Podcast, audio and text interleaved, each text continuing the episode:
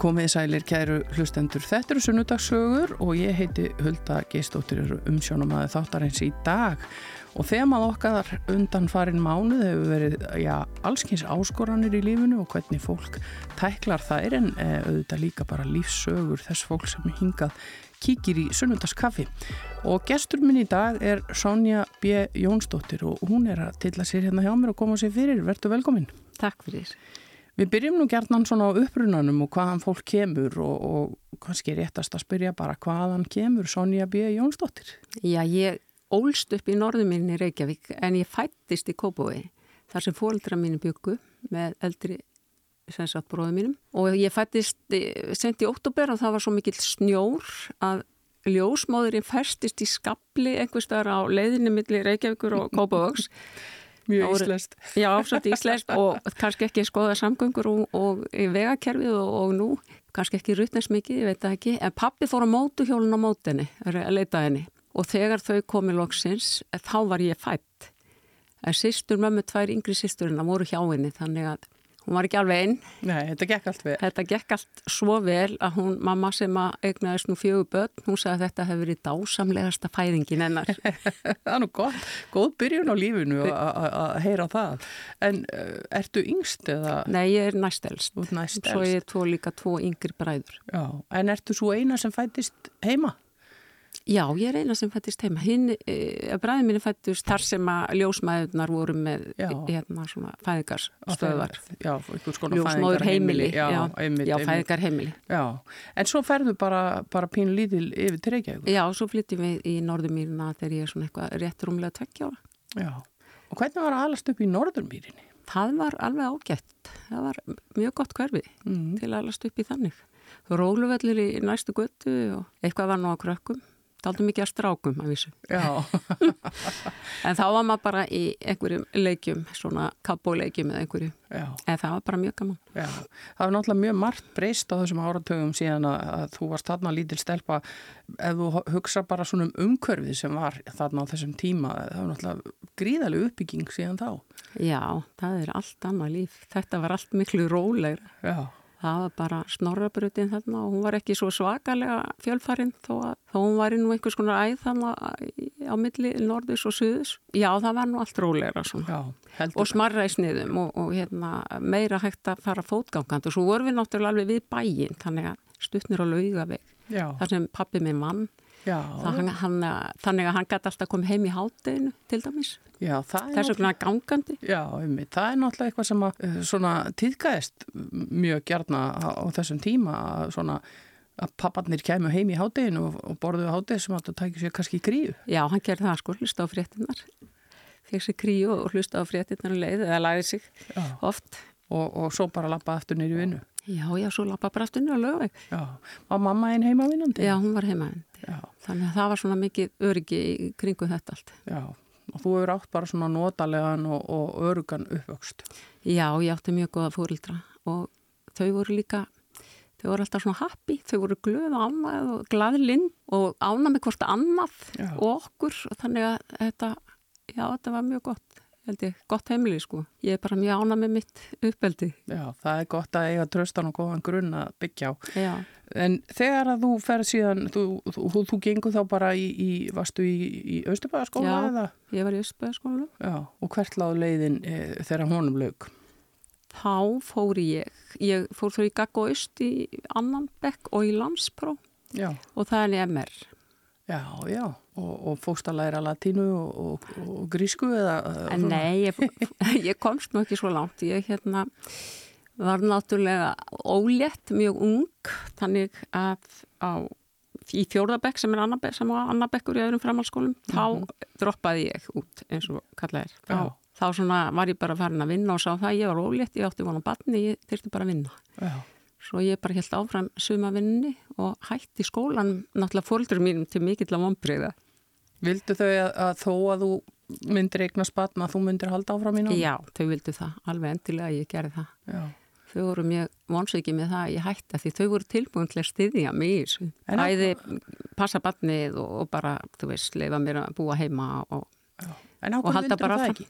Ég var með eitthvað svona sjálfstæðisbaratu held ég, vildi bara sína, sína þeim og öllum heiminum að ég gæti staðið á einn fótum. Það var svolítið svona, hérna, þú ert alltaf ung og þú getur ekki verið eignar spatt núna en ég náttúrulega bara gæti ekki tanna en eignar spatt þegar ég var orðin lólið. Þannig að ég hugsa bara, ég vil bara taka afleðingun og mm -hmm.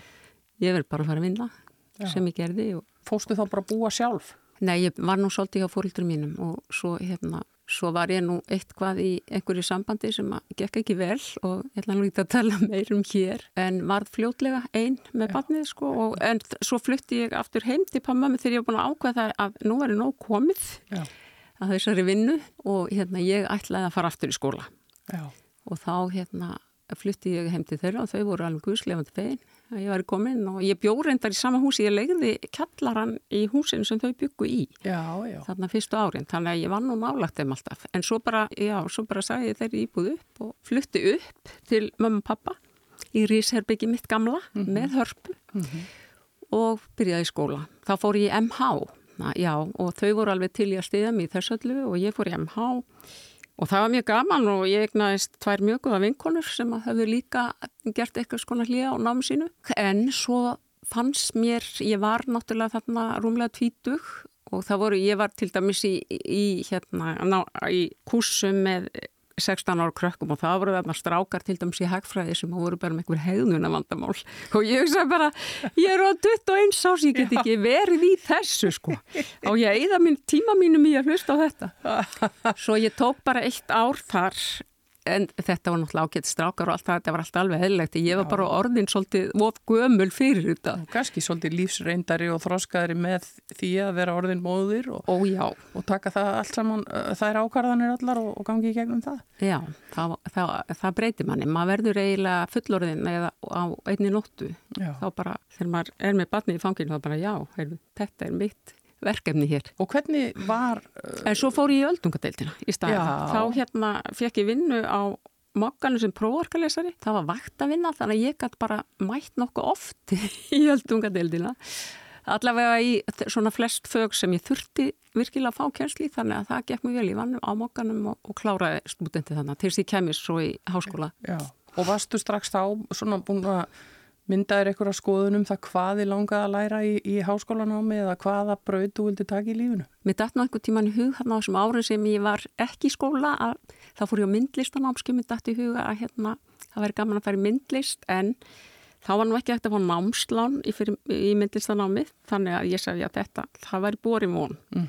Þannig ég er bara að taka stúdentin og skella mig svo í háskóla þar sem ég gæti, feng, gæti fengið námslán og hérna sé fyrir barni um leið og ég læriði svo að ég ákvað að fara í háskóli Íslands sagt, og ég hafði náttúrulega svona óljósar hugmyndur um ímislegt. Ég hef alltaf haft áhuga á eiginlega allt og mörgu.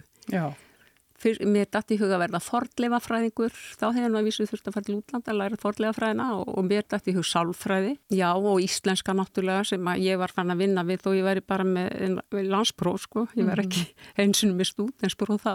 Þannig að þetta var svona spurning, svo var ég í hugmyndasögu hjá hann hérna Jóni Nefli og mér fannst það rosalega gaman, þannig að mér mhm. langaði nú að heimsbyggin svona bankað upp á. Já og ég var í íslensku hjá til dæmis Jörgen Pinn og Bjarnar, Bjarnar Ólarsson ég mann hvað, hvað svona var og þeir voru báðir svo, þetta voru svo góði kennarar í MH, Já. það var svo gaman í þessum tímum þannig að ég fekk líka svona kvartningu eh, til þess að skrifa og svo ég fór líka að hugsa um bókmyndafræðina og svo gekk mér ægilega vel í þísku og ég skráði mig fyrst í þísku og almenna bókmyndafræði.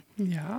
Svo kom ég í þískutíma, fyrsta þískutíma og þá voru bara allir allt taland á þísku. Ég held ég væri svo góð í þísku að því ég hafi verið í hraðferð þísku í þannig mentaskólanum. En þú hafður ekkit farið í Þískalands eða verið þar þetta bara svona venjulega mentaskóla þíska sem þú hafði verið að læra? Já, ég kunni ekki neitt. Sko. ég uppgöði það það. Þannig ég eiginlega svona rögglaðist út bara og ok, ég ætla bara að vera í vetur og það var alveg mjög skemmtilegt, gott nám sem ég var í þannig fyrsta veturinn og þá var ég líka að vinna á alltíðublaðinu svona í halvu starfi við prófgalestur með náminu því að maður þurfti náttúrulega fyrst að sína fram að maður gæti lokið einhverjum prófum að maður gæti fengið námslán. Já, já, einmitt. En, en var þá hérna prófarkalesturinn kannski svona þín leið inn í fjölmiðlana sem síðan já, átt eftir að verða? Já, það var það svolítið eiginlega að því þá einhvern veginn náttúrulega kynnismælinga fólki og, og þó ég hafi kannski ekki farið beint á þá staði sem ég hafi verið að vilja á sem bróskalesari. Mm -hmm. Ég var náttúrulega komin í einan heim Já. svolítið. Já. sem er svolítið skemmtilegu sko, spennandi eins og þú veist Já, og svo ákvæði ég að fara í heimsbyggina þá. og þá fór ég næsta vittur í heimsbyggina og fóst bara og, og, og kláraði hana Já, ég tók sérsagt bíapróf í heimsbyggi og með bókmyndafræðina sem aukafag og ég var alveg heitluð að heimsbygginni það var mjög skemmtilegt og æðislegi kennara hana og bara krakkar og samnefndur sem sagt, það var mjög gaman. Við unnum ekki saman fyrir próf og svona. Það var svo lítið hlópur og kannski sjö saman í í námskeiði. Já, mjög náið og, og skemmtilegt. En heimsbyggi, sko, einhverju svona praktískir foreldrar getur nú að hafa sagt hvað ætlar að gera með þetta, Hva, hvað sástu fyrir að fara í það? Foreldrar mínu spurðu það, Já, spurðu það þessu, jú, jú, betur, hvað verður þá? Já. Og ég var nú ekki alveg með greið svör við þessu, svona ekki, þannig að ég, ég sagði, ég man ekki hvað ég sagði, ég sagði það kemur bara í ljós. Ætli ég far ekki að kenna, en hérna, ég fór nú ekki að kenna reyndar. En ég reyndi svo sem að fara í kjælslufræði í háskólanum. Þá var ég búin að reyna að fara til útlanda en Harpa vildi ekki verið útlandum svo ég kom heim Já. að því að hún fór heim. Já. og ég svo bara hvað er að gera hérna? Ætla ég að missa bara af öllum unglingsáranum hennar og vera bara hér? Og Já. nei, ég ætla ekki að gera. Hvert fór þá fórum við hérna, ég ætlaði að fara í háskóli í munn hérna Já, já, Þískan maður Já, Þískan, heldur ég alltaf verið hérna bak við eira sko. Þannig að ég, hérna, já, þannig ég fór bara heim og hugsaði með mér besti fari í kennslufræna. Þá bara var það í fyrsta skipta á efinni sem ég var svona óbúslega leiðilt í skóla. Mm. Ég bara, mér fannst ekki gaman Nei, og þannig ég hætti. Já. En, fór setna í kennslufræði en þá var það í listaháskólum og það var mjög skemmtileg kennslufræði kennslan þar. Fannstu þína fjöl í því? Já, en, ég fór þá bara í staðin já, ég einmitt fór nú beint að byrja út póstana, þetta var að hausti og ég gerði það til jóla og svo fór ég, og var ég að frænta sækjum á blöðum já. með dætt í huga, svona, kannski gæti ég bara fengið vinnu sem blaðamæður. En þessi, þessi Þýskalandsför ykkar maðigna, uh, þið farið þarna út og þú ætlar að fara þar í nám. Mm -hmm. Hvað var harpa gömul þarna? Það var hún 12 ára. Sko. Já, kannski svolítið erfiður aldur svona til að gera þessa breyting? Já, hún vildi bara fara heim til mömmu svona þegar að, uh, ömmu segið, mömmu minnar, hömmu hafa, þegar að, uh, svona haustaði og þá vorum við búin að vera fyrst í Kaupmálhöfn og svo í Berlín í allt sumarið, já og hún hérna alveg, hún undir sér vel í Berlín og það var gaman að við vorum aðna með bróðum mínum og kæristunni hans og áttum gott sumar mm -hmm. en svo vildi hún fara heim. Já og þú upphaflega ætlaður að leifa henn að fara heim og verja á ömmunsinu af og þú myndir að halda áfram en, en já, sko, það þegar, hefur kannski verið svolítið erfitt. Já það var alltaf erfitt og ég bara, þegar þessi staða kom upp sko að því fyrst ætlaðum við bara að vera það sko en svo þegar hún segi nei, ég vil ekki vera hérna, ég ætla að fara heim til ömmu, ég vil fara heim til ömmu og í skóla minn, mm. þá, þá gæti ég ekki staði vegi fyrir því, ég fannst mér ekki að fara að pína hana nei.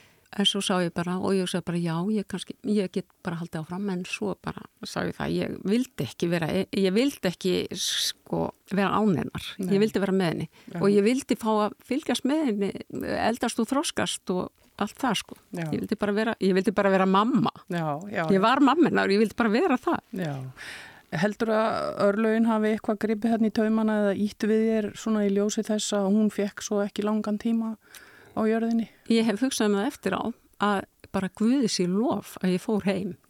Ég veit ekki hvernig mér hefur liðið ef ég hef ekki gert það. Já, mista þessum mikilvæga tíma. Þetta er svo mikilvæg, svo mikilvæg ár fyrir að börn er að taka út þennan þroska og verða unglingar Þegar þú kemur heima aftur, helstu þá áfram í einhverju námi heima eða fórst að vinna? Hva, hvað tók við? Já, þá er það sem ég fyrir bara í hérna, postin og já, fyrst kennslufræðina og svo í... í sem var hundleðileg? Sem var ekki skemmtileg, nei, hún var ekki skemmtileg, í miður. Já. En það var fólk sem fór í gegnum þetta og ég dái stæði. Já. en þetta var ekki fyrir mig. Nei. Þannig að ég fór að sækjum á blöðunum. Bróðið minn hafi sagt um mig, hérna, þú, þér er vel að gengi svo vel að skrifa, ágrið fer ekki bara í bladamennsku og ég sagði já, ætti ekki að gera það?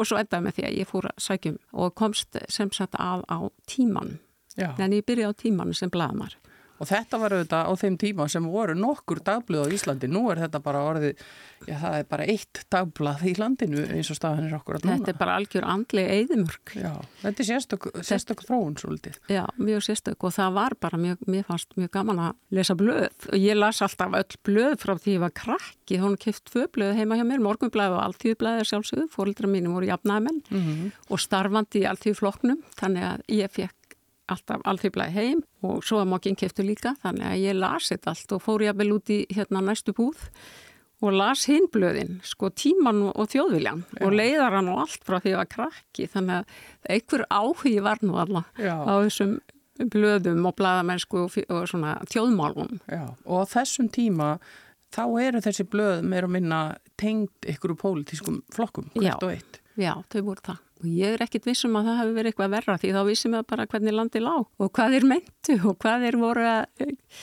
vilja upp á dekk sko. Hvað er voru að fara með þessu öllu? Já. En uh, hvað fór Harpa að gera þegar hennar grunnskóla göngu laug? Hún fór í, í menturskóla eða? Nei, hún gerði ekki, hún fór að vinna. Akkur mann ég nú ekki hvað þetta hétt hún var að vinna? Og það var svona brauðstofa á njálskutinni hún voru að smyrja brauð svona og eldamat sem sagt fyrir hún og vinkonunar unnu þar, þar sem að fólk hatt kipt sér hátegismat og, og hérna alls konar slíkt, böguðu pönnukökur og ég veit ekki hvað ég fór stundum til þeirra og fekk pönnukökur. Já, og hún hefur bara, hana hefur langað að, að fara bara að afla sér peninga og, og lifa lífinu. Og hún allavega var ekki tilbúin að fara strax eitthvert annað, en svo var hún bara þarna um vorðið að, þegar hún deyr þarna í júni sko, þá um vorið var hún búin að skrási í námi rafvirkjun í... Já, já viðskólanum og ætlaði, ætlaði að fara í það nám. Var nú ekki verið marga konur að læra það á þeim tíma vendalega. Nei, ekki eins og hún núna. Nei. En hún hafði áhuga því og hún var nú byrjið að hjálpa mér. Ég var fann að vinna svona sem svona fjölmjölafulltrúi og, og hún var mjög góð í íslensku og hún var fann að hjálpa mér svolítið með svona fréttatilkynningar og, og fara með þar. Þá þurft maður að fara með þar á alla staðina Já. og þú veist, inn á voru tölvu, það var ekki tölvupóstur þannig að hún var, að, hún var fann að vinna með mér svolítið í því líka og svo vorum við náttúrulega í kvikmyndagerðinni ég og maður minn og hans leiðin í kvikmyndagerðina var í gegnum rafvirkjur, hann byrjaði sem rafvirkji fór svo í kvikmyndagerð og hann fekk alveg heilmikla vinnu bara út af því að hann var rafvirkji og kunni á svo mikið af rafmagn sem þurfti að nota við kvikmyndatökur og hann fór síðan í takniskólan og eh, ég kynntist honum á sjónvarpinu sko. Þá Já. var hann uh, komin sem kvikmyndatökum með það þar og uh, hafði verið í námi í bandaríkjónum og í vinnu þar sem kvikmyndatökum með það. Og þetta fannst henni spannandi hefur. Og hvernig var að vinna til dæmis við kvikmyndagerð á þessum tíma? Á hvaða árum er þetta cirka? Þetta er bara 8, 10 og 8. Þá hætti ég á sjónvarpinu sko og hann er búin að stopna plusfilm með vinn sínum síðan stopna við þarna 89 kvikmyndafélagi Nýjabíó mm. hann heiti Guðmundur Kristjánsson og við stopnum Nýjabíó með Hilmar Rottsinni og Þorgeri Gunnarsinni og svo kom Ólaður Tryggvi Magnússon inn í það með okkur líka Já. þannig að við rákaðum þetta í alveg einhver ár Já. En var það uh, þungur rekstur eða var nú að gera í þessu á þessum tíma? Það var þungur rekstur. Það var hérna eh, mikið hark. Það var, maður þurfti að búa til verkefni, náttúrulega. Já. Og hérna, maður fór með hugmyndur upp í sjóarp og út um allan bæ. Og, en svo kom alla kreppur í samfélaginu. Svona. Það er eh, svona bitna fyrst á öllu, öllum þessum svona skapandi greinum. Já. Þá er það, það allt skorið niður. Þannig að þá verður svolítið þröngt í búi. Já, og það Oft. er þannig en þá. Já, ég er svolítið rættið um það. Það er samt hefur kvikmyndagerinn erflst alveg rosalega Já. og sérstaklega allar þessar leiknu kvikmyndir og leiknu sjónvastættir og mikil heim, gróska í heimildamendur líka. Þannig að hérna, Ég held að gangi miklu betur núna. Já, já, og svo er náttúrulega bara þessi frábæra tækni sem við búum við í dag að við getum bara gert heila bíómynd á síman okkar. Við þurfum ekki meira til í raun og veru, sko. Við þurftum að ráðast í gífulegar fjárfestingar þegar við stopnum nýja bíó. Allskynst tæki og tól. Já, alls konar tæki og tól sem kostuði 10 miljóna. Þannig að hérna, það var, já, það, það var svolítið alvöru mál já. að ráðast í þetta. Já, en það var skemmtilegu tími, mjög skemmtilegur. Sonja, Harpa dóttiðín, hún fekk ekki að verða gömul. Nei. Hvað hún, gerðist? Hún lendi í bílslýsi.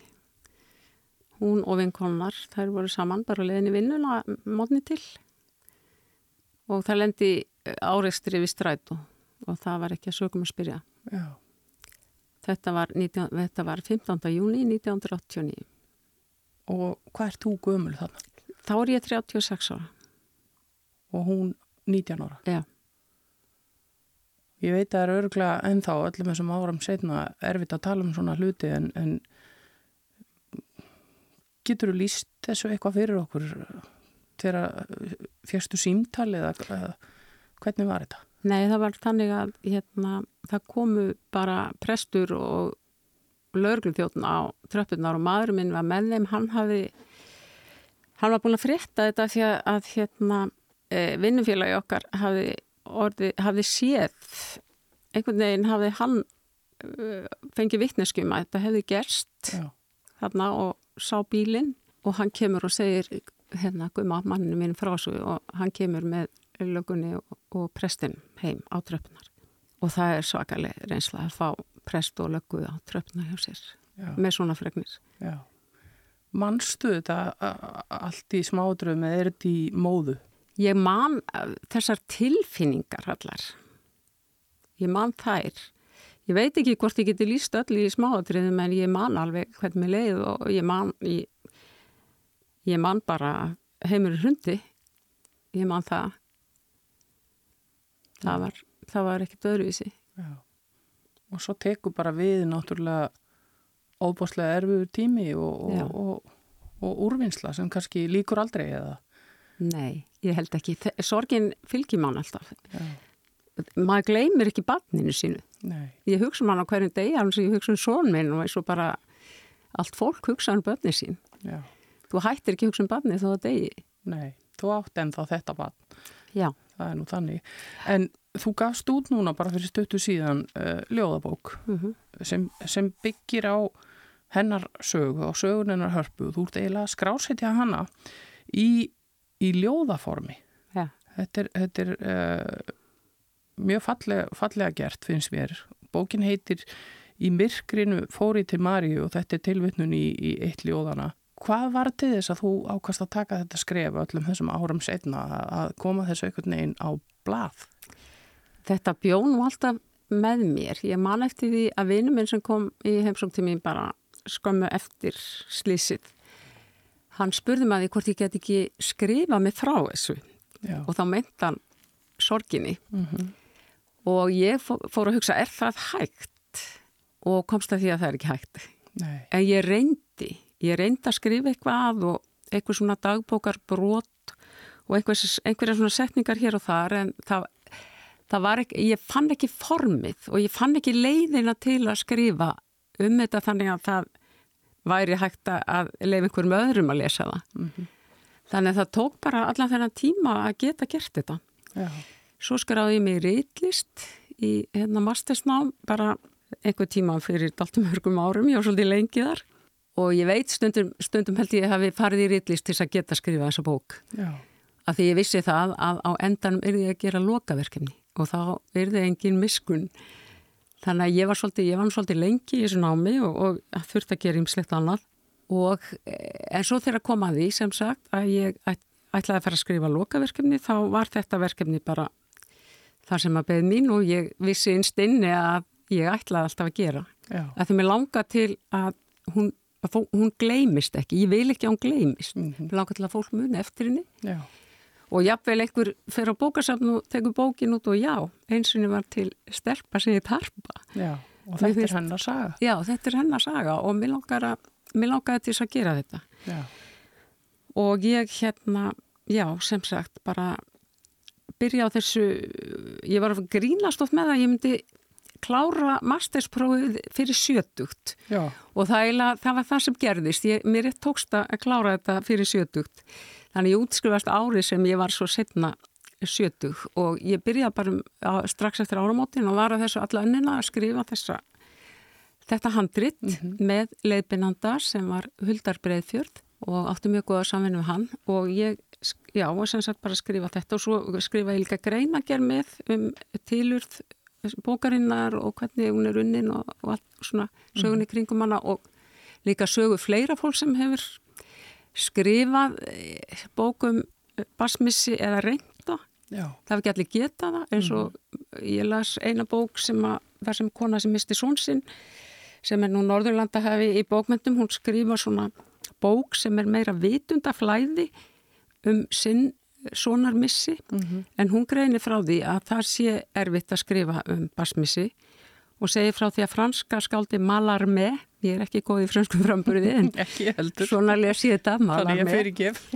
Já, hann hafði mist svon og hann langaði til að skrifa ljóðabók en hann gata ekki. Og þetta er eitt af uh, mestu skáldunum. En hann gæti skrifað einhver brot Já. en hann gæti ekki þrýtti sér ekki til að skrifa heila bók. Þannig að það er alveg það tekur tíma að komast komast ángað að, að gera þetta held ég Nema, Já en svo veit ég að, að, að e, það er líka samnefndi mínir sem hafa skrifað um basmissi og það hefur tekið stýttir tíma þannig að kannski þetta er líka allt personbeti ég bara Já. fann ekki mína leið Já. fyrir þarna Já.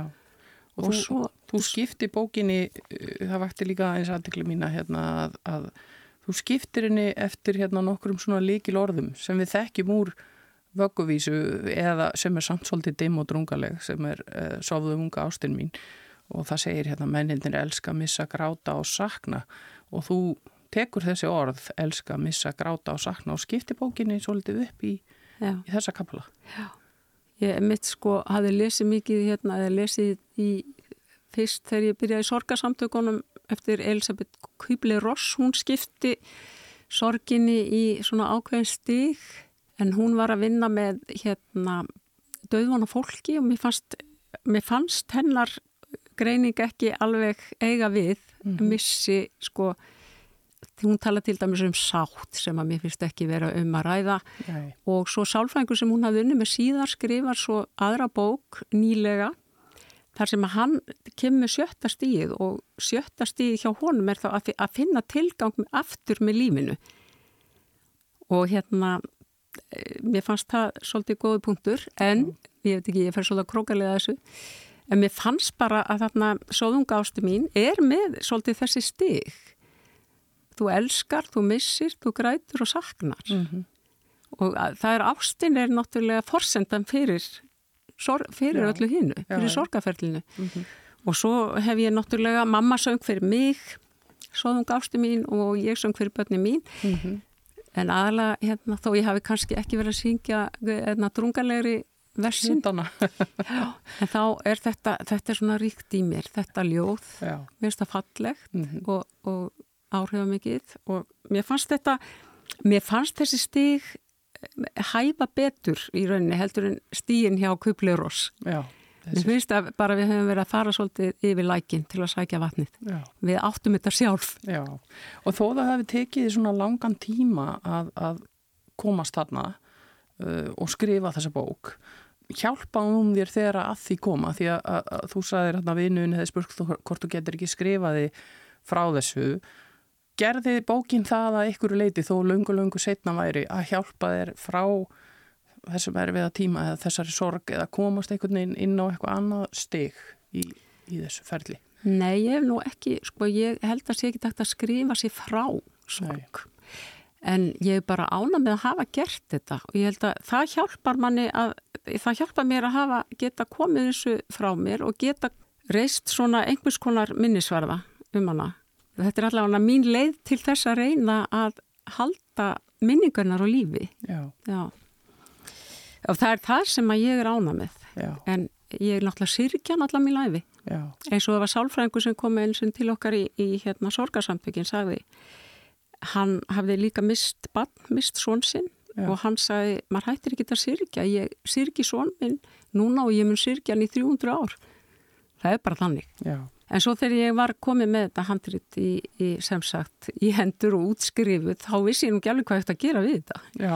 Hvernig á ég að koma svo út? Á ég gefið þetta út sjálf eða á ég að leita til einhverja útgáfi? Og ég var svona væplast í þessu allt sumarið og langt fram á haust og, og endaði svo á því að senda Bjarti Veröld bara tölvupost og spyrja hvort, segja mér handrit, værum handrit og hvort að þau hefði áhuga að skoða og ég fekk jákvæmt svar við því og var svo bóðið í viðtal, sendið um handritið og var svo bóðið í viðtal og þá hérna e, sem sagt fjekk ég rítstjóra sem er Bjarni Þorstensson hjá Veröld og við áttum mjög gott samstarf og við unnum saman í bókinni bara alveg fram á haustið Já. áfram, vinn, unnum áfram sérstaklega í handritur alveg fram á haust bara hún fór núna í, í brendun í haust Já. og uh, það er mjög gott að fá svona rýtstjóra náttúrulega fyrst huldar og, og svo bjarni vegna þess að þá líka heyrir maður hvernig aðri taka þessu og hvernig þeir skilja og kannski þarf maður að fara að hugsa já, gæti ég sagt þetta á einhvern skiljanlegri hátt Já Þannig að þá fer maður að hugsa hvort að maður geti bætt tekstan og mér finnst það, hérna, mér finnst það mjög gott. Svona þú eignast svo annað batn, uh, ekkert mjög lungu síðar, Hver, hvenar uh, fættist hann? Já, hann fættist í desember 1991, tveimur og hálfu ári eftir að harpa dó. Mm.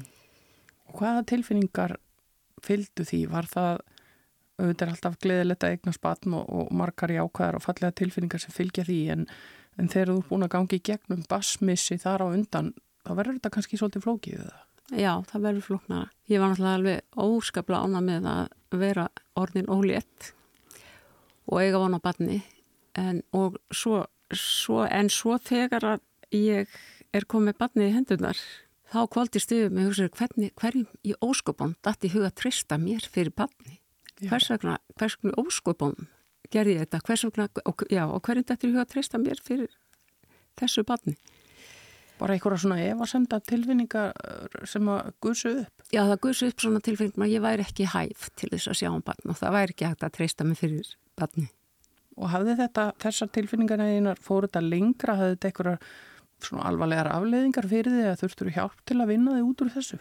Já, já, ég þurfti hjálp. Ég hérna varð svo opaslega hrættum hann. Já og það var náttúrulega þessi ræsla sem að kvóldi stiðum þegar ég er meðan fyrst bara í fanginu mm -hmm.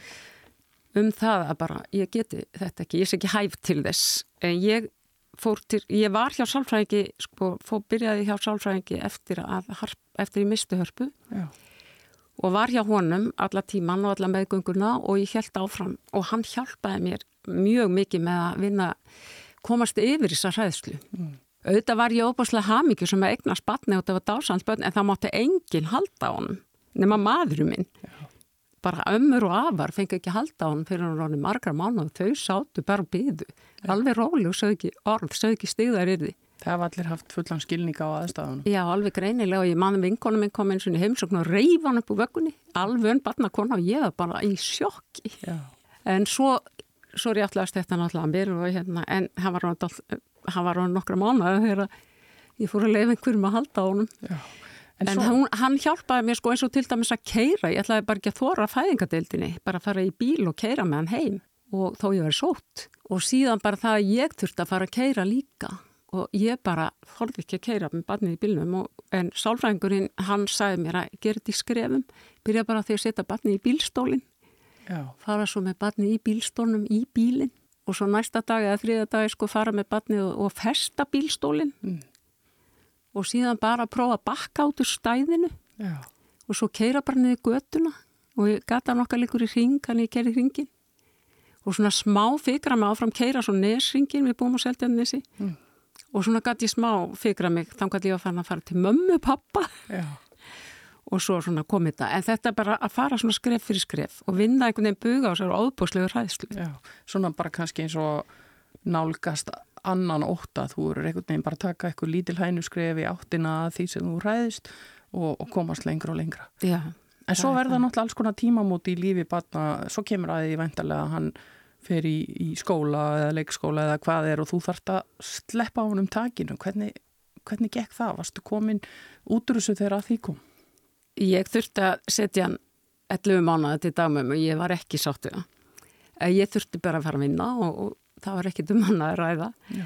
og fekk mjög góða dagmum og hún var góðið hann og, og hérna, en það var ekkit auðvelt fyrir mig. Nei. En ég, ég var bara að gera það. Við verðum að bara býti í súrepli, ímis súrepli og svo fór hann á leikskóla tveggjára og þetta var alltaf, það var alltaf erfitt að sjá af honum sko. Já. Ég vildi helst að vera bara alltaf með hann í bandi, þetta var náttúrulega örgla, miklu erfiðara fyrir hann heldur um mig Já. og ég hef skrifað smásögum um þetta hann í, í náminu þegar var, við vorum að lappa fram hjá uh, krökkum að spila fókbalta á svona fókbaltafelli og ég, hann var svona fjara ára og ég bara ríð hjælt í hendina á hann og hann bara langaði að fara að leika við krakkana Já. í fókbólta og hann bara hann svona reyfi hendina úr hendina mér og bara sleftu mér Já. og ég sleftu hann þá bara sagði já, ég verði að sleppa hann einhvern tíma verði ég að sleppa mm. það er bara að byrja, það er núna Já. En þegar þú eignast annað batn og, og hann svona stálpast og, og fer að tala og skilja meira og svona hvernig nálgæðist það að tala við hann um sýstur hans og að hann ætti sýstur sem að væri dáin? Þetta var einhvern veginn ég, hérna, ég er ekki alveg bara einhvern veginn, ég er ekki alveg tengd við það, það var einhvern veginn bara, hún var alltaf einhvern veginn með, mm. hún var kannski, kannski of mikið gagvart honum, skiluru, af því að ég var náttúrulega svo sorgmætt, sko, þannig að, en við vorum náttúrulega með myndir af henni og við töluðum um hana og sögum hana frá því, já, ég eiginlega, hérna, get ekki sagt neitt annað, bara einhvern veginn, kannski bara verður það bara eitthvað eðlilegt Já. að maður talar um það. Já. Og ég var náttúrulega í sorgarsamtökunum og var með fólki sem hafði náttúrulega gengið í gegnum þetta og tala við börnir og svona og maður leitaði stuðnings og hvernig gerir þetta og kannski helst það sko. Já. Og ég allavega á vinkonu sem leiti mig inn í sorgarsamtökin og hún átti, eitt af hennar börnum var bara í vöggu þegar hún misti sín börn, mm. tvö mm. og uh, þá hefði hún þurft að segja sínu börnun náttúrulega frá að samátt eða því barni sérstaklega sem var bara nokkra mánuða þannig að ég fekk, ég fekk rosalega mikla hjálp í sorgarsamtökum frá vinkonum mínum og þar og þessar vinkonu sem var fyrirvændi vinnufélagi minn Já. og leytti minn í samtökin Já, í ljósi þessara reynsluðinar og auðvitað hafa starfað með samtökur sem hafa þekkingu og að ræða við jafningja og, og vini sem að jafnvel deila þessara erfiðu reynslu. Er þetta ekki algjört líkiladriði að tala og, og fá hjálp og, og finna einhverja leið í þessu ferli? Það, það er einhvern veginn erfitt að vera burðast með þetta aðleitin.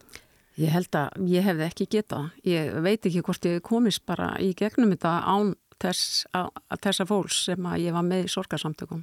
Bara ég fór þangað þá og við vorum með fundi einsin í vik, alltaf ég var í mörg ár og við hittumst og, og við vorum með fyrirlestra, komu sérfræðinga með fyrirlestra og það kom líka fólk og deildi reynslu sinni mm -hmm. og það voru prestar sem komu oft og, og heimsátt okkur og á þess að þeir voru ekki að bóða neina trú, Nei. þeir bara Þeir voru bara til stuðnings. Já, bara í sálgæslu. Já, voru bara í sálgæslu og voru alveg, mér, mér finnst ég að hafa fengið mikla hjálp líka frá prestum. Já. Bæði jafningum og, og prestum. Já, og þeir hafa vendilega. Og sálfræðingum. Já.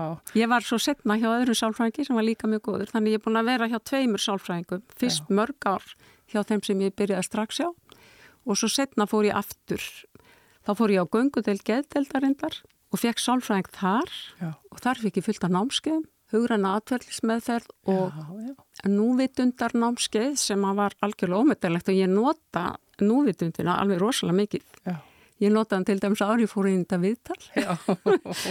Að læra þessa öndun eða þessa aðferð við að einhvern veginn að reyna að halda sér í núinu. Og ég nota þetta mjög oft og stundum bara nota þetta á mótnana bara upp í rúmi bara ef mér lýr ekki nógu vel til að komast á fætur?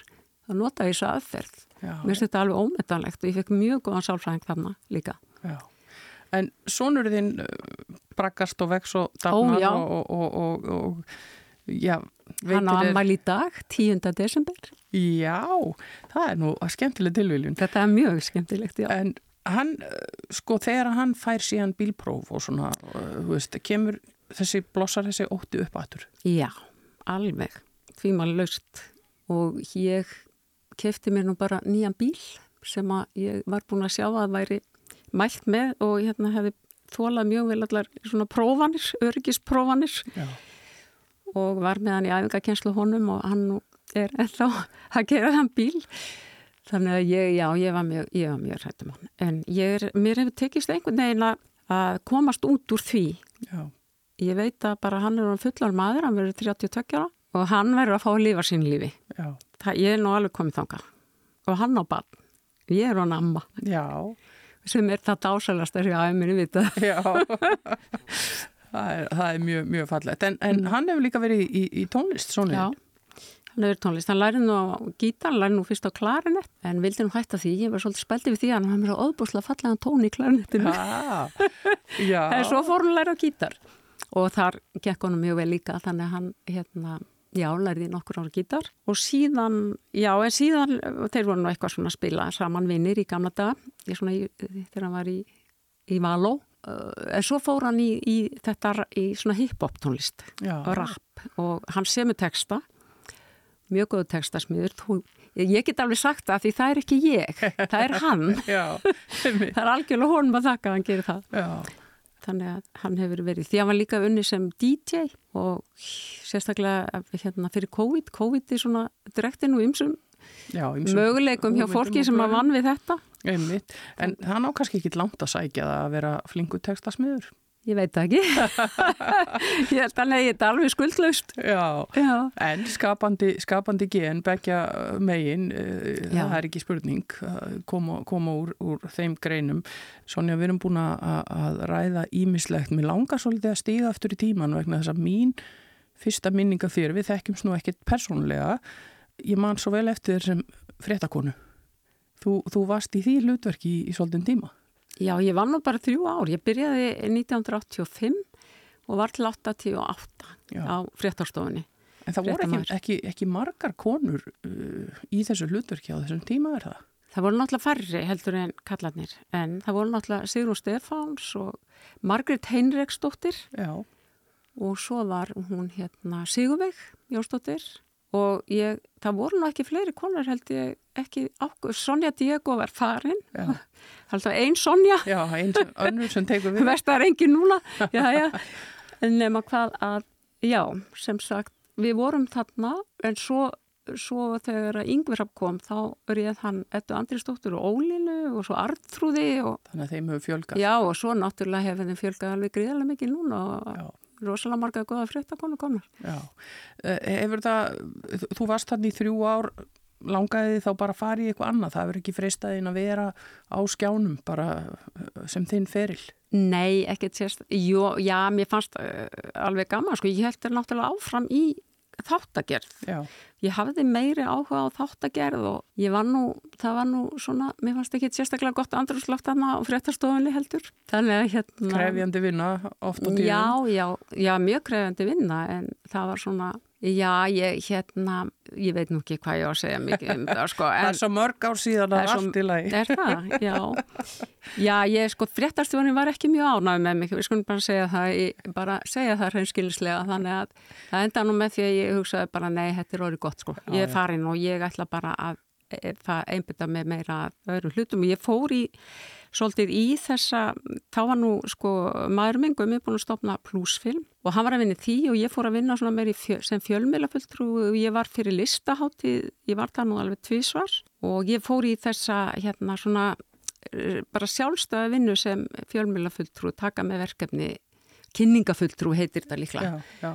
Já, og var svolítið í því og svo stopnaði við kveikmyndafélagi Nýjabíu og þá þá náttúrulega fór ég mikið í dagskrákjert fyrir sjónvarp og fræðslu og heimildamindir og Já. hérna og ég var byrjuð í dagskrákjerinni á rúf áður líka. Mm. ekki að gera þætti sérstaklega eins og þegar Egil Eðvarsson var dagskrástjóri þá hérna gerði þætti sem að mér fannst mjög gaman að gera. Mér fannst mjög gaman í, að gera þætti kastljós og, og svona meiri lengri umfjallanis ég hafði í rauninni meiri áhuga á því. Já. og svo hef ég mikil áhuga á menningulistum og það var nú svona ekki, eh, mörgum þótti það nú bara eiginlega ekki vera fréttir. Nei. Þó að ég fengi alltaf þegar það var eitthvað þá fekk ég yfirleitt að gera, gera fréttir um menningulistir og Mér fannst það gaman, mér fannst þá heimur svona meira spennandi kannski heldur en að vera alltaf að fjalla tala við sömu pólitíku svona með fullri viðringu fyrir þeim. Já, þá, mm. þá svona menningar heimurinn kannski fjölbrettari og áhugaverðar að þínum átti. Hann kalla meira kannski á mig þó ég sé alveg hrigalega pólitísk og, og allt það sko. Þá hef ég svona meira áhuga á, já, á menning og listum og mannlífinu og bara þar sem var kallað human interests í, í gamla dag allavega þegar ég var að vinna í sjónarpinu. Ég hafði meira því og að gefa hlutum lengra plás, Já. meira plás, meira þar sem að skipti máli að krifja það svolítið vel. Já. Ég hafði meira því, Já. heldur en sko þessum tökja minna fréttum. Einmitt, einmitt, 90 sekundur, þú fær ekki meiri tíma. Nákvæmlega, Þó, og, og að því að ég var, við hafum mikið náttúrulega menningar fréttanum, þá eru þær alltaf verið alveg svakalega litlar, stuttar og helst bara sem svona skott, svona skraut í enda fréttatímans. Já, svona halinn hann í restina. Já, það vantaði þá einmitt sko þetta, þessa menningar þetta sem eru núna eins og eru komnir í, með kastljósi og hérna eða Menningin innan kastljós. Já, já, já nákvæmlega. Einmitt. Það er mjög mikil, hérna, það er mjög gott að fá fá slíka þætti. Sko. Já, nú ertu búin að gefa út þessa bók, Sonja, í myrkurnu fór í til Maríu sem er saga hörpudótturðinnar í ljóðaformi. Hvað gerur næst? Fleiri bækur?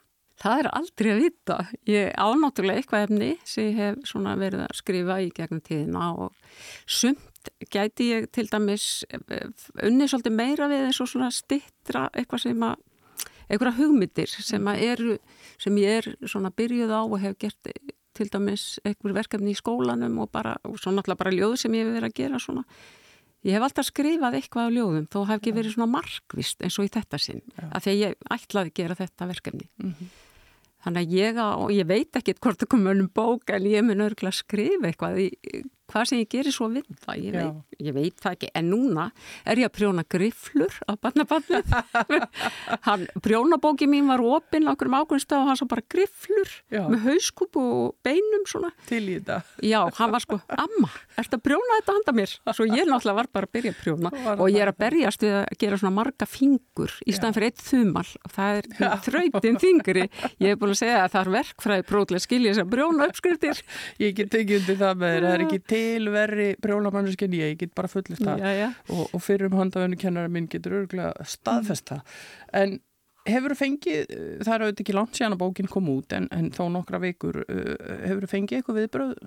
Ég fengið mjög góð viðbröð við frá þeim sem ég hef fengið hérna svona messenger skilabóð mm. frá fólki sem bara með sér ókunnu kona bara nokkru dögum eftir að bókin kom út sendið mér alveg svakalega góða um sögn hún hafi sjálf mist dóttur og langaði að skrifa svona bók og hún höfðaði svona vel til hennar. Já. Hún var rosalega ánamenn og ég hef fengið fleiri svona posta frá fólki, jáfnveil fólki sem ég þekk ekki neitt sko, en líka frá öðru fólki sem ég hef kynst og átt svona einhver, einhverja samleið með gegnum lífið sko. Já. Þannig að ég, hérna, já, ég get ekki sagt annað en ég hef fengið góð viðbröð og er takklátt fyrir þau. Já, það, það það lítur að gefa þér eitthvað að finna það að fólk geti speikla sig í þessari erfiðu sögu og, og, og, og kannski svona deilt sorginni með þér. Já, það er líka svolítið hinn tilgangurinn, annars vegar að, að hún glemist ekki og líka ef hún geti til dæmis hjálpað öðrum í sömu spórum á einhvern nátt eða verið þeim til stuðnings, það var, mér þætti mjög vænt um það. Já. Alveg eins og ég las svo mikið sjálf, bækur bæði hérna á íslensku og ennsku bara allt sem ég náði í Já. um basmissi Já. og bara missi. Og bæði hérna sem sagt sögur fólksins og líka fræði eh, svona eftir sálfræðinga og geðlegna og, og jáfnveg presta fólk sem hafi á einhvern nátt komið nálat sálgjærslu og, og missi. Já, svona get ég, ég beðið um að lesa fyrir mig eitt ljóð? Já, ég ætla að lesa eh, ljóð nummið tvö í fyrsta kaplanum sem heitir Elska og það er svona Hún að vaksa og dapna, æfa sig í að brosa og hjala, ég að æfa mig í að vera mamma. Við tvær saman í risherberginu mínu. Ég að æfa mig í að segja mamma um sjálfa mig, feimin við þetta orð, stórt orð fyrir svo unga stúlku, ungling, næstum barn. Takk kjærlega fyrir þetta Sonja og takk fyrir að gefa þér tíma til að setjast hérna með mér á, á, í sunnundasögur á Rástöfu og, og segja þína sögu. Bókin er komin út, í myrkurinu fór ég til Marju saga hörpudótturðinnar sagð í gegnum ljóð og uh, fáanlega auðvitað bara allstaðar það sem að bækur eru seldar. Takk fyrir enn og aftur Sonja B. Jónsdóttir fyrir að deila þessari sögu með okkur og gangið þér sem allra best í, í þínum verkefnum. Og þakka þér.